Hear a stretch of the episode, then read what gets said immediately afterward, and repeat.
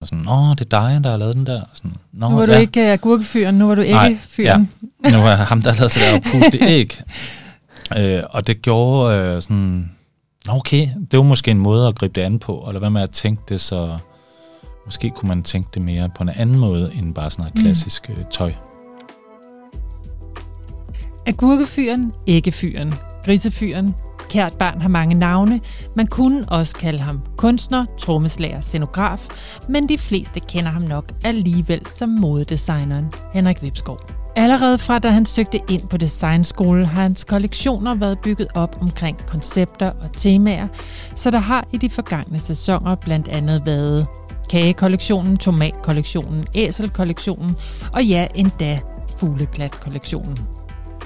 Om det er galt eller genialt, er ikke altid lige let at vurdere, men det, der står fast, er, at Henrik Vipskov i mere end 25 år har skabt sig et internationalt navn med sine komplekse mønstre og tekstiler og nytænkende silhuetter.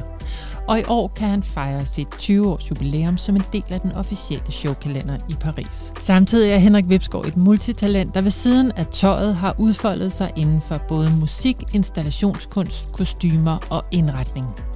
Men hvad er sådan en støbning, som Henrik Vipskov skabt af? Hvilke beslutninger, personer og ikke mindst tilfældigheder har formet ham og hans karriere? Det skal vi finde ud af nu. Velkommen til, Henrik. Tak. Hvordan har din morgen været indtil videre? Øhm, den har været meget god, øh, synes jeg. Lidt øh, sådan afslappet og lidt, kan man sådan lige lidt forsinket og lidt langsom. I kraft af, at vi først skulle mødes her klokken 10 og Mm. køre lidt øh, et andet program. Men øh, jeg fik ordnet nogle andre ting, som jeg ikke lige, øh, som jeg lige fik tid til. Så jeg optog min stemme, der forklarede om et projekt, som kunne bruges til noget voice-over Ja. øh, som fortalte lidt om nogle øh, så objekter, der, der står ude for en gammel strand, der kommer op i sidste uge, så vil jeg lige forklare, hvad det var. Og så har jeg siddet og målt en taburet. Ja, det var den, du lige havde en tegning Ja, af. som jeg gerne Ja. vil lave lidt om. Øh, og jeg har snakket med en smed om at lave en, en anden slags taburet. Og øh, hvad var den sidste ting, jeg lavede? Jeg var lige sådan tre ting, jeg skulle. Og så kiggede jeg lige på de her spørgsmål, du har sendt. Mm. Så du lige var lidt indstillet på, hvad vi skulle Ja. tale om?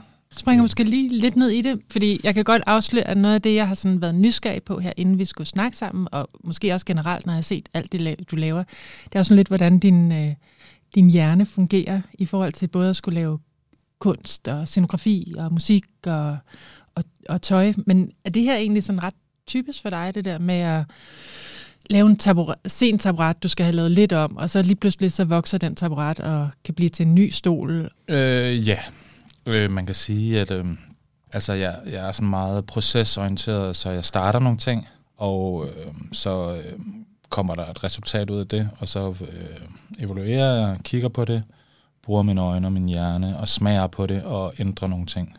Og det gør jeg konstant, tror jeg. Øh, det er en proces, der passer meget utrolig godt. Mm. Øh, og man kan sige, øh, i forhold til, til de ting, jeg laver mest, der fungerer det rigtig godt. I andre øh, processer kan det være i, utrolig irriterende, at jeg lige skal lave noget om igen. Øh, som når hvad? Hvis det er mere et konkret projekt, hvor der er et eller andet, der skal bygges, og det skal være færdigt, og sådan noget, hvor der ikke er tid til, at man går ind og vurderer og retænker et eller andet, eller hey, ville det ikke være fedt, hvis det faktisk var en trekant. Mm. i stedet for en firkant, for så ville den vinkel, eller et eller andet, det er skide irriterende. Har du så lært at, at, har du så lært at stoppe dig selv, eller har du et team omkring dig, som siger, hey Henrik, nu skal du lige blive på sporet her? Ja, så har jeg en, øh, selvfølgelig nogen, der lige siger, stop, det er fint, eller overvej det lige, eller jeg bruger også rigtig meget det at sove på det. Ja. Det er sådan en, en, en term, vi har. Øh, sådan, ah, lad os lige, okay, lad os lige sove på det. Øh, og så tage det op igen i morgen og se, om det Mm. stadigvæk er aktuelt. I stedet for at tage en forhastet beslutning, som mm. måske kan have nogle omfattende, øh, ja, både økonomi, og, men også timer, og i den her proces øh, og forskydelser, så er det meget godt nogle gange lige at lige summe og lige smage lidt ekstra på det og vurdere. Og måske var det okay, at farven var gul. Er det, er det perfektionisme, der gør det? Eller er det Øhm. konstant undersøgelse, eller hvad er det, der gør, at du ikke stopper? Jamen, jeg stopper ikke, øh, som er skide irriterende, øh, men øh, det kan man sige, det er det rigtig gode ved deadlines, der jeg bliver nødt til at stoppe. Ja. Så og for sig er jeg meget øh, i den der proces, øh, bygger jeg meget op mod en afslutning. Øh, Mm. Og så når afslutningen har været der, så kan det godt være stadigvæk, jeg går, nej, man kunne jo faktisk godt have ændret den der ting. Eller så nogle gange kan det være, for eksempel øh, når vi har lavet shows, Mm. som jeg både har lavet i København og men lavet i Paris før det, så nogle gange så kommer der en evolution der, eller ændring, eller et eller andet, eller musikken var forkert, eller, eller måske burde man bygge det op på en helt anden måde. Øhm, så nogle gange er der en mulighed for at lave en Ja. ja. revurdering. Ikke?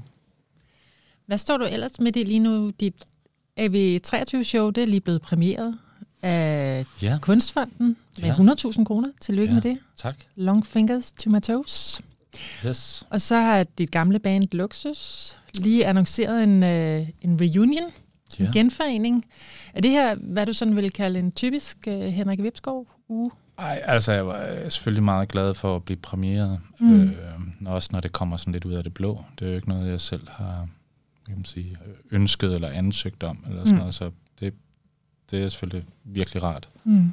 Og med en virkelig flot, øh, nogle tanker og beskrivelse bag den. Ja. Øh, men øh, musikken har altid været der, og øh, er ligesom bølger nogle gange mere end andre. Øh, jeg har ligesom været aktiv øh, inden for musikken i, i mange år, men nogle gange mere end andre. Og lige Mm. nu er det er ret meget af ja. en eller anden underlig grund. Øh, men det er meget rart. Det føles meget rigtigt, og det er sådan noget, der foregår om aftenen. Øh, og så laver man noget andet om dagen. Men du når også at sove sådan Ja, ja. undervejs. Ja, altså... Jeg mødte sådan en skuespiller, der bor i, i gaden, hvor jeg bor. Var sådan, "Nå, hvad, øh, du arbejder helt vildt og sådan noget. Sådan, ja, ja, altså... Det ved jeg faktisk ikke, om jeg gør. Altså, jeg, jeg er sådan meget øh, 9-5-agtig. Og så kan der godt være nogle tanker, noget man går og... Jeg synes faktisk nogle gange, jeg laver for lidt. Og, Okay. øh, Det er ikke den fornemmelse, man får, når man, når man kigger på de ting, du har i. Men det er måske, øh, fordi Nej. du har øh, potentiale for mere, eller? Ja, men jeg synes så nogle gange, at jeg... Eller jeg er i hvert fald bekymret for, at jeg spilder min tid. Ikke? Mm. Og jeg burde, så nogle gange sætter jeg nogle krav til mig selv om, at jeg skal huske at tegne øh, 20 minutter og en halv time hver dag. Jeg skal huske at spille trommer 20 minutter og en halv time hver dag.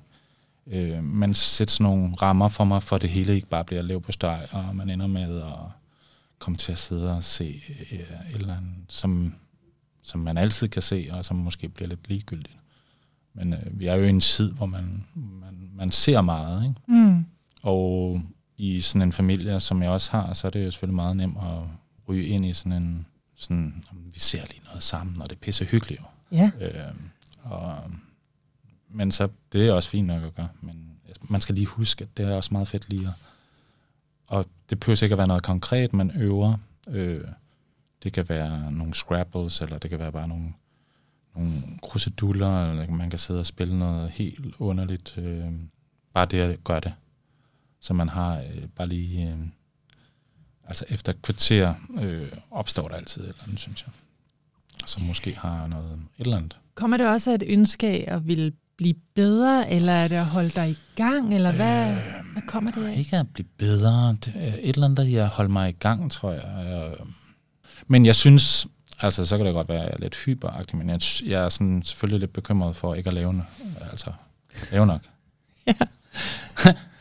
altså, til, altså det, jeg laver mange ting, men jeg synes godt, jeg kunne lave endnu flere ting. Okay. Hvad vil du gøre ved det? Jamen, det prøver jeg så ved at lave de her øvelser om at prøve at tegne noget mere, spille noget mere trommer, lidt musik. Og, Er det et ønske om at ville præstere mere, eller er det bare nej, det er ligesom mulighedernes land? Ja, men det er jo ikke alle, altså, det er jo, altså alt det her er bare noget, man kan sige noget råd. Altså det er jo bare en masse underlige tegninger, og det er noget øh, lidt random øvelser med noget trommer, øh, eller musik, eller nogle farvekoordinationer med noget et eller andet. Øh. Men øh, det er ligesom meget bare at holde, øh, aktivere hjernen, tror jeg, på, på et andet, øh, en ventil. Har du altid haft det sådan? Mm, nej, Det kom eller måske, måske. det ved jeg ikke. Det er måske en meget god anledning til lige at gå lidt tilbage. Du er vokset op i en lille by, der hedder Kjellerup. Ja. Lidt uden for Silkeborg.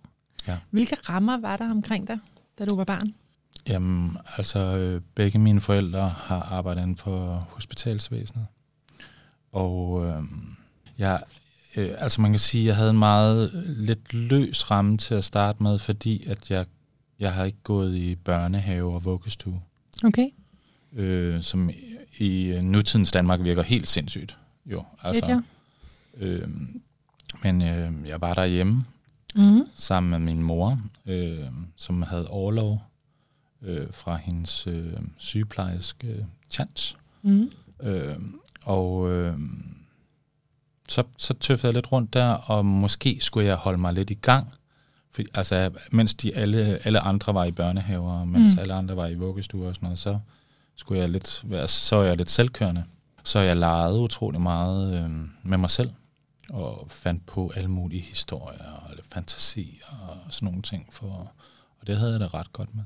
Og så ventede jeg sådan lidt på, at de andre kom hjem, dem fra naboerne, gaden, ikke? og håbede, at der var nogle legekammerater der. Og nogle gange havde jeg ikke brug for det. Min mor siger, at der var nogle gange, at, at der var nogen, der kom og bankede på dem. Øh, og så for at høre, om jeg kunne lege. Var sådan, ej, jeg, har- jeg har lige gang i et eller andet. Hvad havde du så gang i? Et eller andet med Lego-klodser, og et eller andet, men hvor jeg faktisk ikke... Øh, hvor hun sagde, "Nah, men det var ikke... Øh, måtte lige gå ud og sige, at det var bedre lidt senere. Var, Som- du, var du det, man ville kalde et kreativt barn? Ja, men altså, det er jo ikke sådan noget med, at jeg sådan har siddet og tegnet amok. Øh. Det var meget sådan fantasi og leg, leg mm. tror jeg. Øh, man kan sige, der skete noget udvikling i kraft af, at jeg som 10-årig fik et trommesæt. Ja. Og øh, af min bror og min søster, som er 9 og 10 år ældre end mig. Så der startede der et eller andet, en, øh, i hvert fald en åbning for et kreativ... Øh, jeg fandt ud af, at man kunne en masse ting med, øh, musikalsk i hvert fald. Ikke? Øh, som sådan åbnede lidt op for et eller andet. Der skete også noget året efter, da du var 11, 83. Ja, Noget med Electric Boogie. Ja, altså, øh, det altså, var ligesom den her lille by, hvor selvfølgelig øh, var vi præget af, af omverdenen, og der skete en masse ting i USA omkring øh, musikstilen, øh, og der, kom, der var en dans, der hørte til, og der var en breakdance, og så øh, jeg peakede på dansgulvet i 83, plejer jeg at sige til folk, når, når du er født i, når du er fi- født i 84. Jamen, jeg peakede jo i 83 på dansgulvet. Hvor du øh, de- faktisk vandt en førsteplads Ja. i en breakdown og Electric Boogie konkurrence. Det er der noget, Henrik. Sir, Sir Henry, tror jeg, hed. Jeg havde sådan et øh, breakdance-navn. noget. øh, nej, 83. Jeg har prøvet at finde nogle billeder, men altså, øh, jeg har sådan nogle... Men der, jeg kan huske, der var sådan noget, et, et klip i avisen, hvor, der, hvor jeg stod meget flot. Altså, jeg cyklede, så altså, jeg havde en BMX-cykel i forvejen, så, så jeg vandt en BMX-cykel og nogle plader, vinylplader. Øh, så jeg cyklede hjem med to BMX-cykler. Det var jo altså lige til sådan en uh, Stranger Things. Uh, Man kan se det. man kan se Man kan det. se det for sig. Hvordan var det ellers det der? Jeg tænker, nu har du gået derhjemme der i børnehaven og meget været i dit eget univers med din mor, og øh, er også et efternølerbarn, kan jeg næsten regne ud, når du ja. Siger, at din søstre, var, ja. din søster og din bror var, var 9-10 år ældre. Hvordan var det skolelivet for dig? Altså, øh, man kan sige, at jeg var øh, lidt forsinket i forhold til øh, nogle ting, vel ind, indlæring, altså stavning, øh, var, havde jeg svært ved. Jeg vil Mm. ikke sige, at jeg var sådan ordblind, men jeg havde virkelig svært ved at, sådan, at finde ud af, hvordan det hang sammen. Matematik øh, var klart en, en ting, der, der, hvor, der skabte noget positivt for mig. Okay. Og øh, Ja. der havde det ret godt. Øh, så man kan sige, de sproglige fag var, var, var lidt svært for mig. Øh, engelsk bare også præg af det. Mm. Øh, som er syret nok taget betragtning, af, at jeg har taget en engelsk øh, Uddannelse, uddannelse. hen. Ja. Øh, men, øh, men det var øh, klart, de sproglige fag var lidt svært. Så jeg, øh, da jeg kom på, jeg var måske egnet til gymnasium, øh, men der kom jeg, der skulle jeg selvfølgelig være mat- matematisk student. Ja. Så jeg var matmus. Øh, Du var matmus. Ja, matematik og musik. Det var ligesom der, hvor jeg, brilleret. det var der, jeg kunne noget ikke, øh, Ja. ja. i forhold til de, de sproglige fag. Du har jo egentlig senere vist dig at være sådan meget god inden for de felter, du bevæger dig i. Du har succes som kunstner, som scenograf, som musiker, som modedesigner. Havde du allerede der en, sådan en, vil du gerne være god? Har det en betydning for dig? Jeg ved ikke, om jeg vil være god, øh, men jeg, jeg, jeg tror, jeg var ret generet. Mm. Øh, måske præget af, at jeg bare var hjemme, og ikke øh, var så socialt engageret. øh, men øh, så var jeg jo mega generet. Så jeg var så utrolig ops på min... Øh, altså, generetheden har jo også en, øh, en, hvor man er utrolig opmærksom på sin omverden.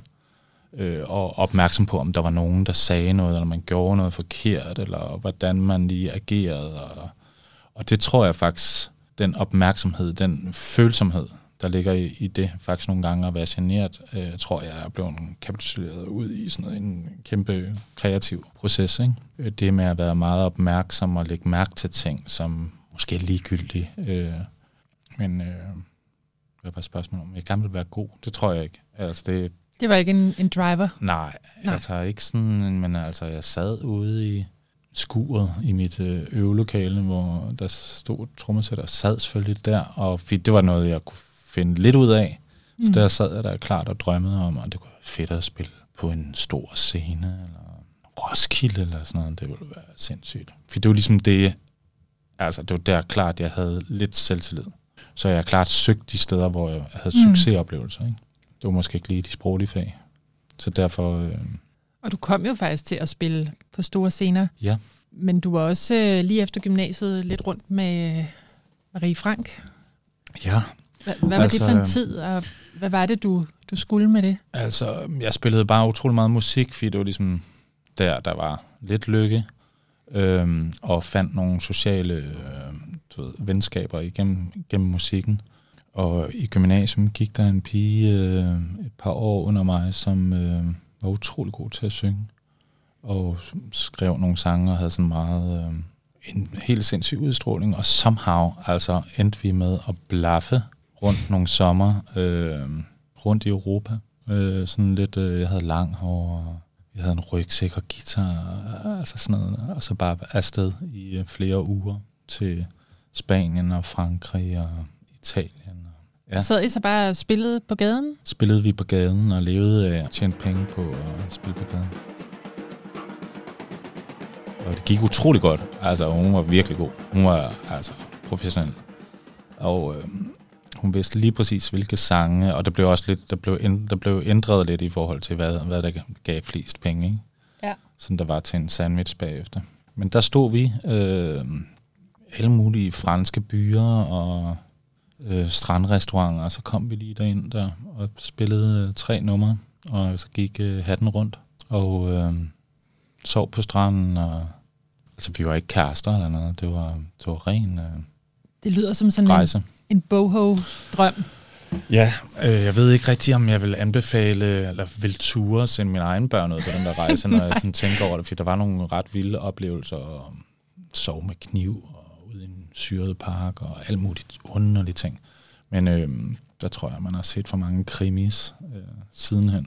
Men det var, øh, det var en ret flippet, øh, dejlig, god oplevelse. Det var måske også en lidt mere tryg verden dengang, eller i hvert fald så ja. vi sådan nogenlunde samme generation. Altså det var, jeg tror man opfattede verden som mere tryg ja. dengang, når man rejste ud. Men øh, det var sådan lidt sådan gymnasie, hun gik også på musiske linjer, og øh, havde mødt hende lidt igennem, og jeg ved ikke rigtig, hvordan det kom om sig, det der med at blaffe rundt, men det skete i hvert fald lige pludselig, så tror jeg, vi havde sådan to sommer, hvor vi rejste rundt.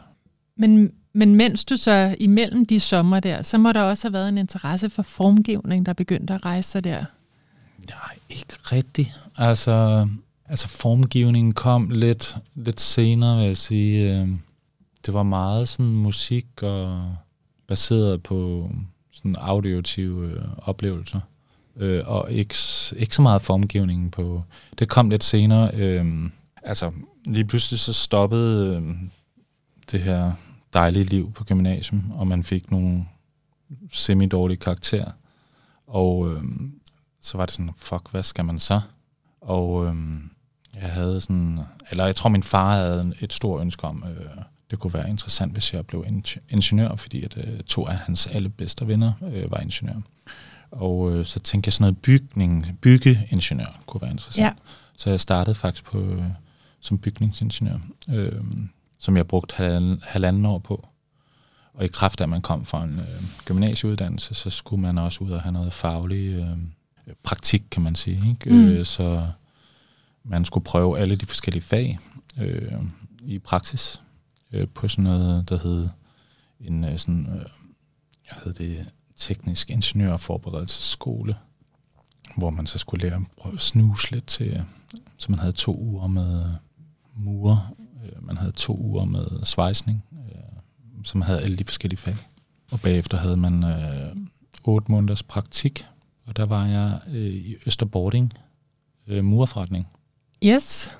I otte måneder, som øh, jeg har været 17 og sådan noget, øh, som er en lille by, der ligger på toppen af Silkeborg. Og der var jeg ude øh, og stod med sådan en trykslufthammer i lidt for mange måneder, sikkert, i forhold til, hvad man må nu. Øh, og lavede, ja, jeg var sådan en murarbejdsmand. Ikke? Ja. I praktik. I praktik. Ja, og skulle lidt køre nogle lidt for fulde svende hjem til sidst og sådan noget. Ikke? ja, men det har jo alt sammen været med til at forme dig. Øhm.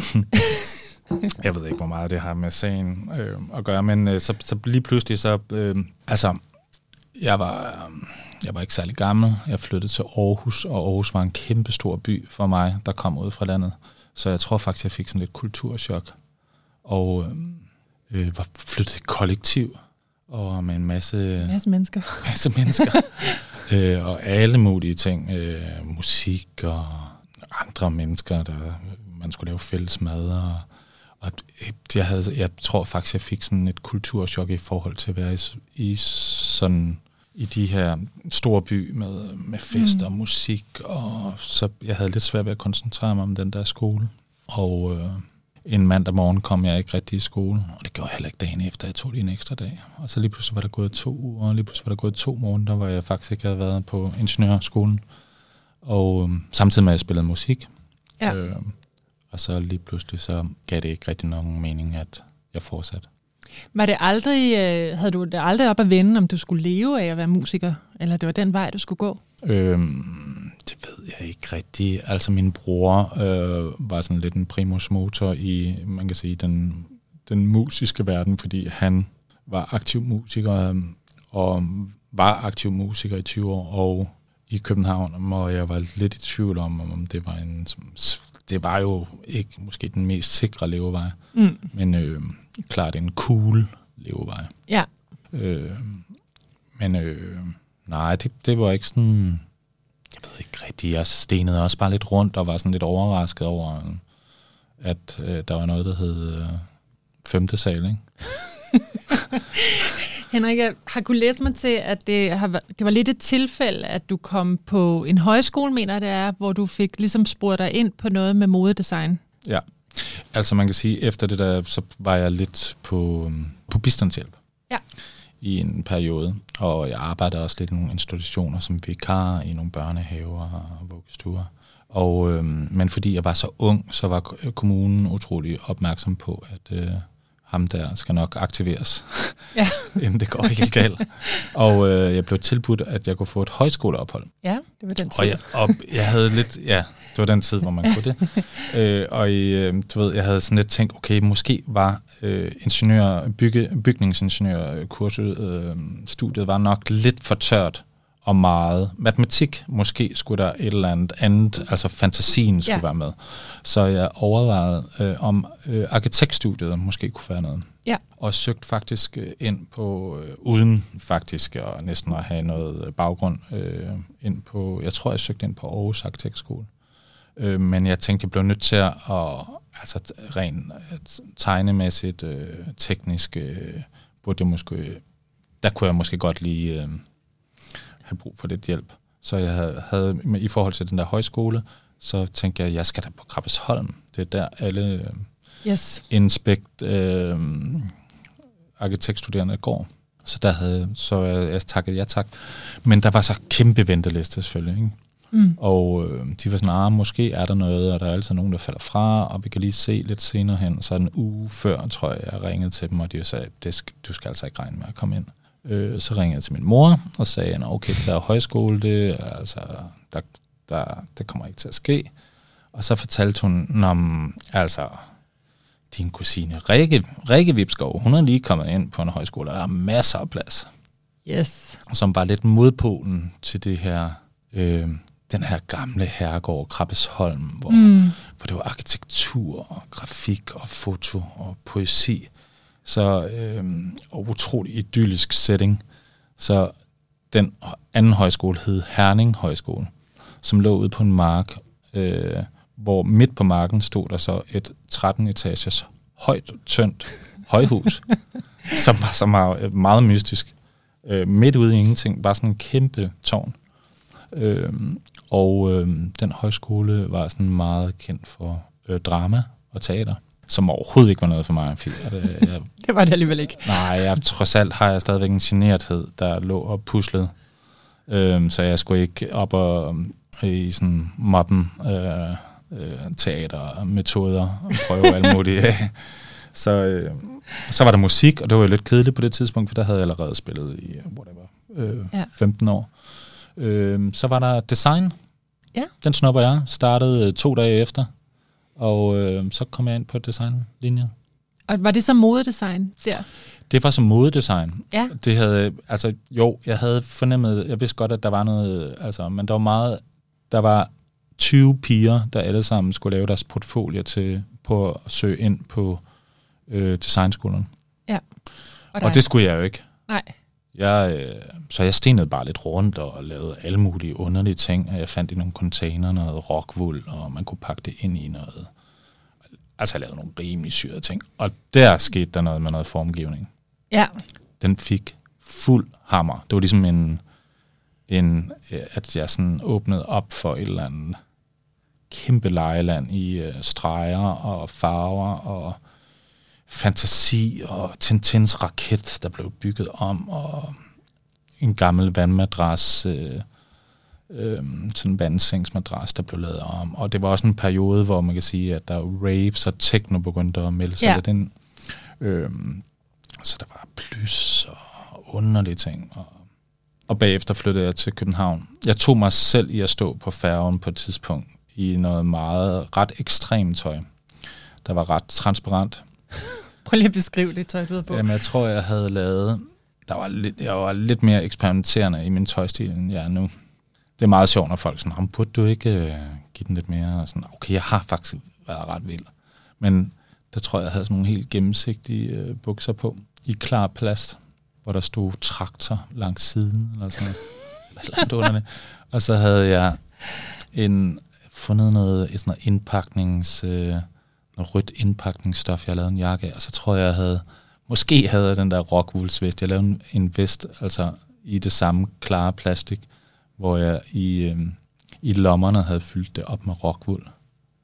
Altså, det var, sådan, det var rimelig tosset. Og nogle plyssko, og altså jeg lignede en, der var på vej til øh, Burning Man. Bare, jeg, bare en forkert verdensstil. De der, øh jeg havde underbukser. havde underbukser på. Men jeg kan godt se, at det har været et, øh, et look, der vil gøre sig godt på nogle af de klubber der ja. på den tid. Men også ja. øh, altså, kjole og øh, chiron og hvide, alle mulige underlige ting. Altså, den, den, jeg eksperimenterede ret meget der med mit mandlige køn. Og du fandt ligesom også derud af, at, at moden kunne, eller det med at formgive ud fra kroppen, det kunne noget? Ja, jeg havde, altså det var ligesom om, øh, der skete alt muligt der. Altså det der med at kunne formgive og kunne bygge ud og 3D og bygge den her arkitektur til kroppen. Men altså jeg havde jo ikke nogen planer om at skulle hverken det ene eller det andet.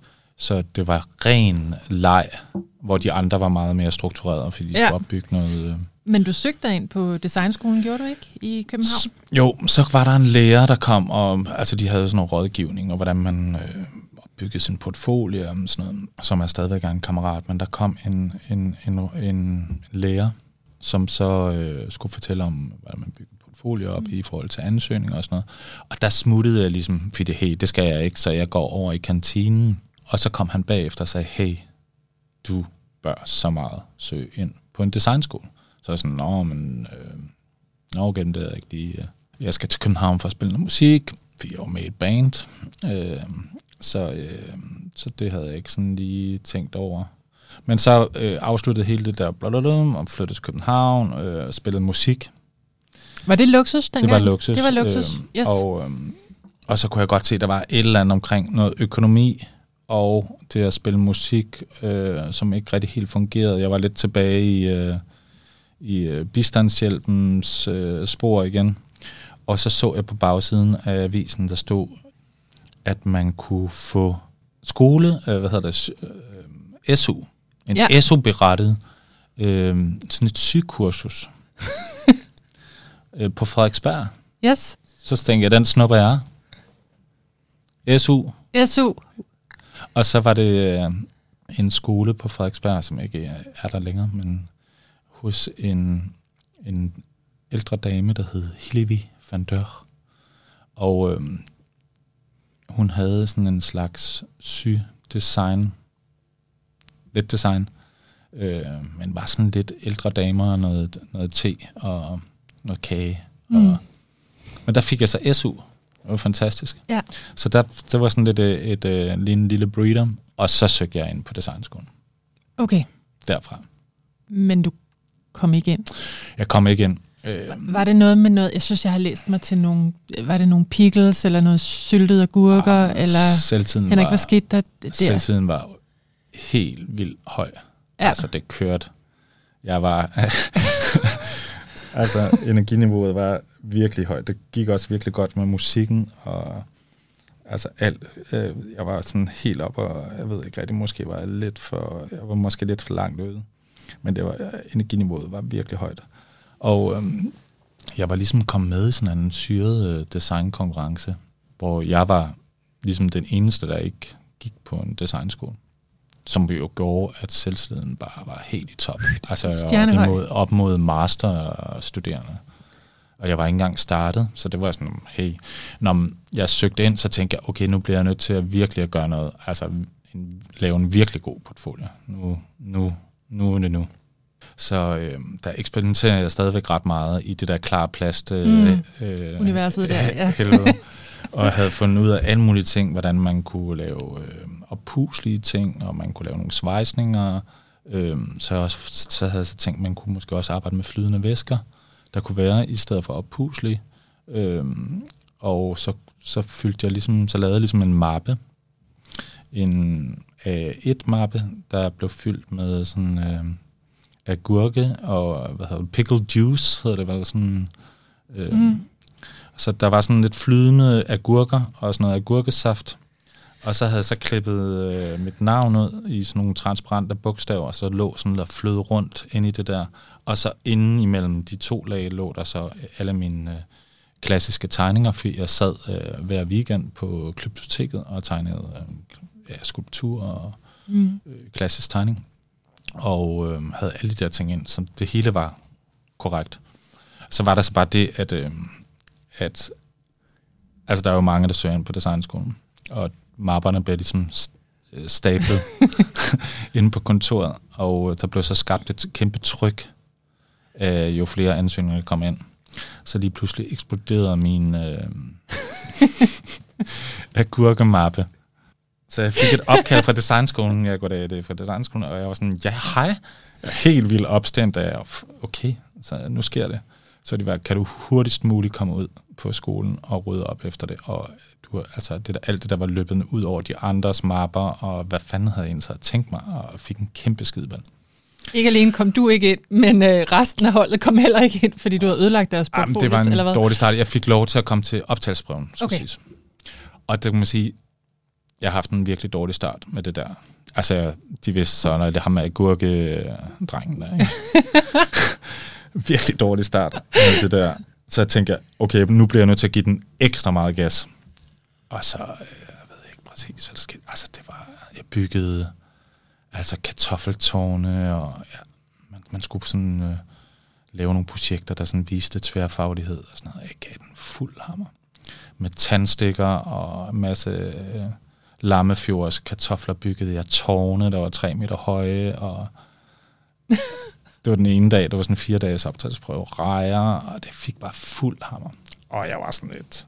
Og så kom jeg til en samtale, hvor jeg var sådan, hey, jamen, agurkedreng, øh, og jeg var selvfølgelig stadigvæk ret høj, fordi jeg var jo stadigvæk øh, øh, lidt op at køre over det der at være med i sådan en konkurrence mod deres øh, masterstuderende. Så altså, det var jo i min verden en helt selvfølge, at jeg kom ind. Ja. Det gjorde jeg så ikke. og så blev jeg utrolig skuffet, tror jeg. Var det første gang, du faktisk sådan oplevede at øh, en skuffelse? Nej, altså man kan sige, at øh, i kraft af at være ret dårlig til sprog og til stavning og sådan noget, har der selvfølgelig ligget ja, okay. sådan en konstant øh, mm. Doomer. Mm. Øh, ikke at være så god til nogen ting. Ja. Men jeg blev lidt skuffet, må jeg nok indrømme over, at jeg ikke kom ind på den designskole. Også fordi jeg synes, at jeg havde gang i nogle virkelig fede ting. det lyder det jo også at du havde. Men prøv at høre, så kom du til Central St. Martins. Så kom jeg til, ja, på... De vil gerne, de kunne se ideen. Ja, så mødte jeg en pige, som snakkede om... Øh, øh, jeg kendte ligesom en søster til øh, en, en kammerat, øh, som gik derover. Hun hed Rikke Ruvald. Og øh, så kendte jeg ligesom skolen fra alle mulige øh, sangtekster. Mm. Øh, diverse bands, der sang om Central St. Martins, og var der noget med, var der noget med Sade og Sex Pistols spillede deres første koncert, og alle mulige ting, sådan nogle lidt musiske referencer. Mm. Og øh, så jeg tænkte, måske kunne det være interessant. Og så mødte jeg en pige, som nævnte noget om, øh, om at ansøge, og så tænkte jeg, ja, selvfølgelig, det skal, jeg skal da også prøve at ansøge. Og det gjorde jeg så. Og så mødte jeg hende igen, og hun spurgte, hvordan det gik med ansøgningen. Sådan, ja, det er egentlig et godt spørgsmål. Øh, måske skal jeg lige tjekke lidt op på det. Og så ringede jeg til dem, og så var de sådan, jo, hey, eller hvad. Øh, altså, det er sidste dag i morgen, så, altså, så skal du... Altså, har du ikke fået svar? Eller sådan, nej, det havde jeg ikke. Altså, det var lidt mere old school øh, brevpost. Øh. Ja. Øh, Nå, så skal du være her i morgen. Øh, kan du komme i morgen? Og så, okay, fuck. Ja, det gør også. så tog jeg det over. Øh, til, og var til et interview på engelsk. På engelsk? Som var lidt svært, selvfølgelig. Ikke? Ja. Man kan sige, at sproget havde slet ikke, var slet ikke så nuanceret, som det var i dag, og øh, man brugte heller ikke sproget engelsk så meget, øh, Nej. Øh, som, som vi gør nu. Øh, eller når man ser en ungdom, der snakker meget, øh, mm. øh, og har masser af venner, der snakker engelsk. Det var altså klart sådan, hello, Henrik, Denmark, øh, mm. applying. Det var meget, og lidt nervøs, ikke? Jo. Men jeg kom ind.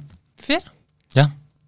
Jeg tænker, de år, det er jo... Øh, der er jo flere designere på den danske scene, der er kommet ud derfra. Ja. Hvad betød den skole for dig? Øhm, ja, men i starten brød jeg mig faktisk ikke rigtig om at være der, hvis jeg skal være helt ærlig. Der var noget omkring, øhm, altså måden, den sådan, metoderne, der, der ikke helt fungerede for mig i starten, fordi det var, det var meget, det var meget løs skole. Mm. Øh, man havde nogle... Øh, man havde en tutor, man så øh, hver 14. dag, og hver tredje uge var der en aflevering og sådan noget. Så løs Men, på den måde, det kræver meget af en selv? Eller? Det kræver rigtig meget selvjustits, ja. ikke? Jo.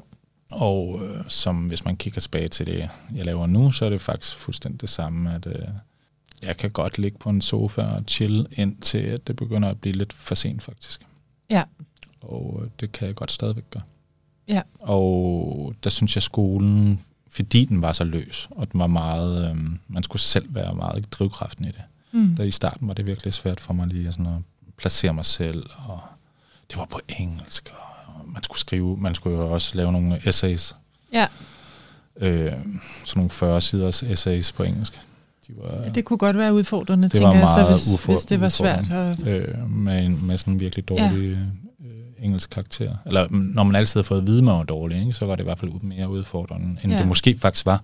Så den første essay, jeg afleverede, havde brugt utrolig meget tid med. Så fik jeg en virkelig god karakter. Og så var jeg sådan, okay. Altså. Og så gik det ned ad bakke derfra.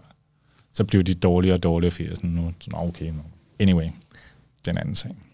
Øh, så kom jeg ind på den der skole, som... Øh, ja, hvor man ja, lidt sådan, det er en kæmpe by, øh, meget bred, øh, udspredt miljø, øh, Og man er ligesom på den der skole, hvor der er noget øhm, socialt, man i kraft af, at man kun mødes måske hver 14. dag og noget. Så det, det fungerede ikke sådan helt maks for mig. Mm. Og øh, folk var virkelig dygtige. Og øh, jeg havde ligesom været i København i nogle år, og det kørte virkelig godt med, vi lige spillede på Roskilde og bands og alt muligt, og virkelig gang i den. Ikke? Mm. Og så bare over til sådan en kæmpe by, hvor det hele druknede. Så du oplevede ligesom faktisk at have ret stor succes derhjemme? Jeg havde i hvert fald gang i en masse gang ting. Øhm, ja. og, øhm, og så kom det over at og være kom lidt derover, og sådan en nobody. Lidt, ja, i sådan en kæmpe by, hvor det bare sådan øh, penge, økonomi, øh, socialt, rigtig meget også. Ikke? Øh, og det er bare en stor by, øh, mere end her. Det er øh, det. Men hvad var ligesom et, et pivot point? Altså, hvad fik det til at, at ændre sig for dig? Øh, normalt, de har sådan lidt, jeg tror også faktisk stadigvæk, de kører med det, men de havde et projekt, der hedder The White Project, øh, hvor man skal arbejde i hvidt, øh, og der havde jeg været lidt i tvivl om, hvad jeg skulle lave, men jeg endte med at lave sådan et jakkesæt, som også var et æg, der kunne pustes op. Og øh, det brugte jeg en del energi på. Og øh, det endte med, at øh, øh, folk stod lidt og klaprede, og lærerne var virkelig glade, og alle skulle og lige pludselig ned på biblioteket, oh, you're the guy, eller, eller, og sådan noget. Så skete der et eller andet med noget, at jeg fik sådan lidt mere du fik noget anerkendelse, anerkendelse som du kunne bruge som til... Som lige hjalp lidt ja. med at have den noget i rygsækken, og sådan, åh, det er dig, der har lavet den der. Sådan, Nå, nu var ja. du ikke agurkefyren, nu var du ikke fyren. Ja. nu var ham, der har lavet det der puste æg. øh, og det gjorde øh, sådan, okay, det var måske en måde at gribe det an på, eller hvad med at tænke det, så måske kunne man tænke det mere på en anden måde, end bare sådan noget mm. klassisk mm. tøj. Og så der skete noget. Ja.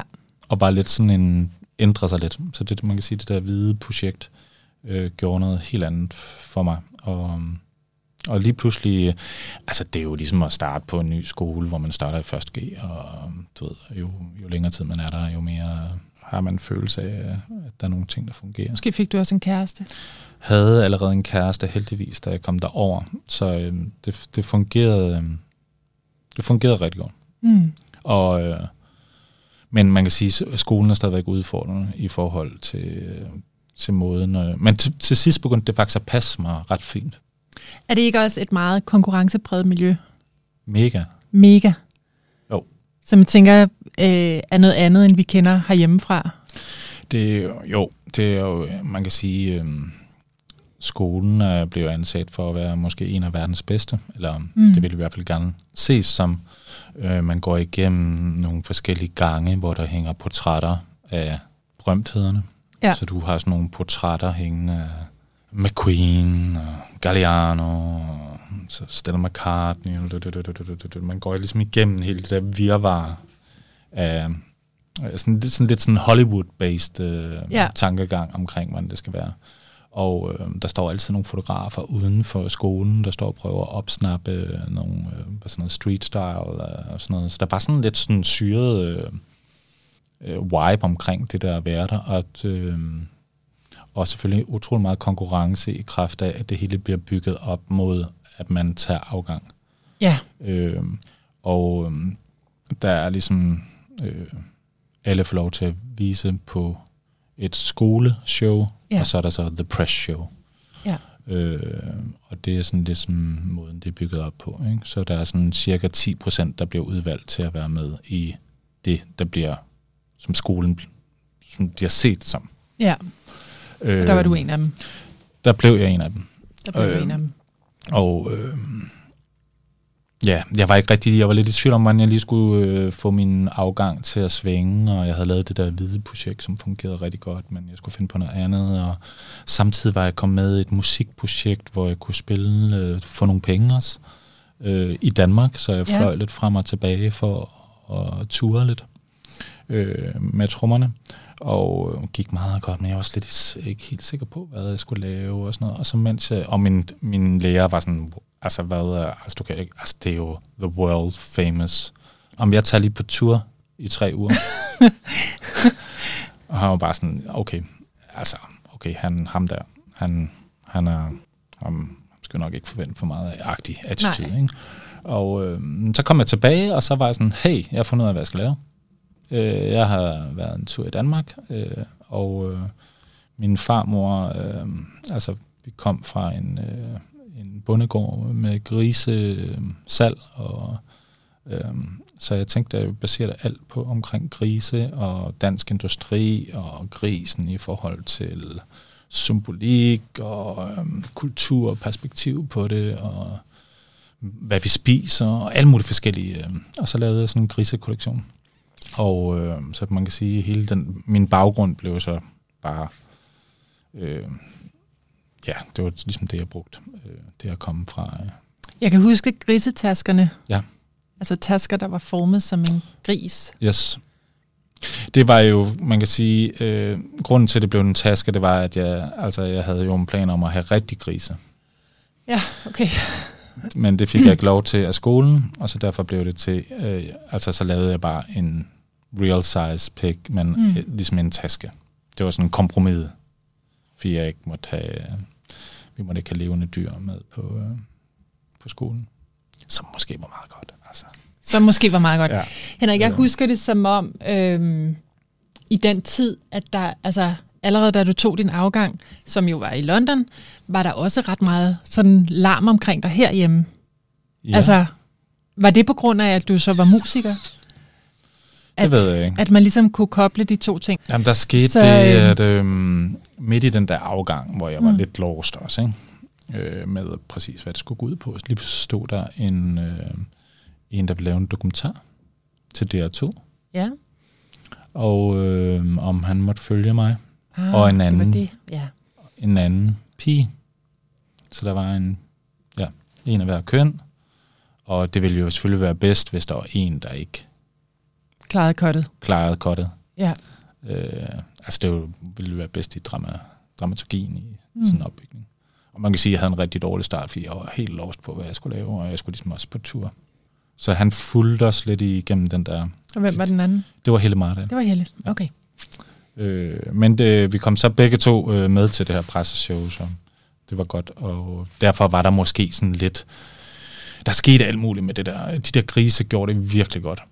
Øh, altså øh, allerede før, at de... Øh, altså, at vi havde lavet show, så var der alle mulige øh, nogle magasiner, eller The Face og Dazed Confused og sådan noget, sådan, oh, The Piggy Guy og sådan noget, alt muligt. Der var alle mulige ting kørende.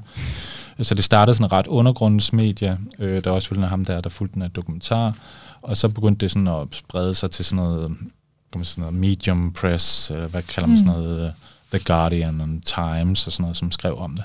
Og til sidst endte de på sådan noget tv-shows i England, de der grise. Det er da fantastisk. Og, og så lige pludselig stod der nogle japanere i, øh, op i min lejlighed og gerne ville købe nogle ting.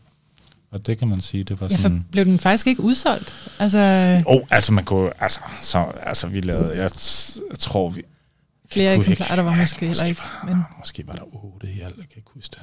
Men øh, måske har Designmuseet en, det kan jeg ikke huske. Men øh, altså det var lige så meget de ting ved siden af, man kunne købe måske. Eller ja. De gerne ville købe. Det var ikke så meget den men det skabte jo i hvert fald noget momentum omkring dig som designer, Ja. og gav dig vel Og- egentlig også blod på tanden til, at... Der skete alt muligt. Og øh, blev inviteret til øh, Japan og alt muligt. Af hvem? af nogle japanere, som gerne vil lave en udstilling okay. med øh, nogle grise og et vindue i en butik. Og, altså, der var total gang ind. Men så vælger du faktisk ret kort tid efter at rykke din base tilbage til København, hvis jeg har forstået det rigtigt. Ja, jeg kom øh, til, nej, jeg blev jo tilbudt, og øh, ja, altså man kan sige, jeg kom, jeg, der var nogle lidt økonomiske problemer. Altså, Som- som, som, gjorde, at du ikke havde nogen penge? Eller? Ja, jeg var rimelig flad. Ja. Og øh, så fik jeg til, altså så havde jeg søgt noget, som ikke eksisterer lidt længere, men Statens Kunstfond havde sådan noget, der hed, øh, hvad fanden hed det? Et slags arbejdslegat, men for, altså i stedet for, at man var på mm. Dagpenge, så ville man så få øh, 70.000 om året, eller sådan noget. Ja. Ikke? Øh, men øh, så der rykkede jeg hjem. Så du var en hyped upcoming designer og turnerende musiker og helt flad. Jeg var rimelig flad. Ja. Øh, altså, jeg blev jo sendt rundt i... Altså, da jeg kan huske, der var sådan en syret... Altså, der var nogle prioriteter. Jeg røg på det tidspunkt, øh, så det var sådan lidt, okay, mad, cigaretter, hvor er vi? Okay, øh, nikotinen er så hæftigt, øh, så den blev jeg nødt til at have, øh, desværre. Øh, men, øh, og så var der nogle cornflakes og bare derude af, ikke? Men jeg kan huske, jeg sad, øh, altså jeg skulle til et eller andet interview, eller en eller anden udstilling, der var. Men man blev hentet øh, i Central London, ikke? Så jeg gik hele vejen. Jeg havde ikke råd til at tage øh, bussen. Så jeg gik hele vejen ind til byen, som så var to en time eller sådan noget. Ikke? Og så kom jeg ind for at sætte mig ind i sådan, det blev kørt ud i sådan en black uh, limo-agtig ting. Ikke?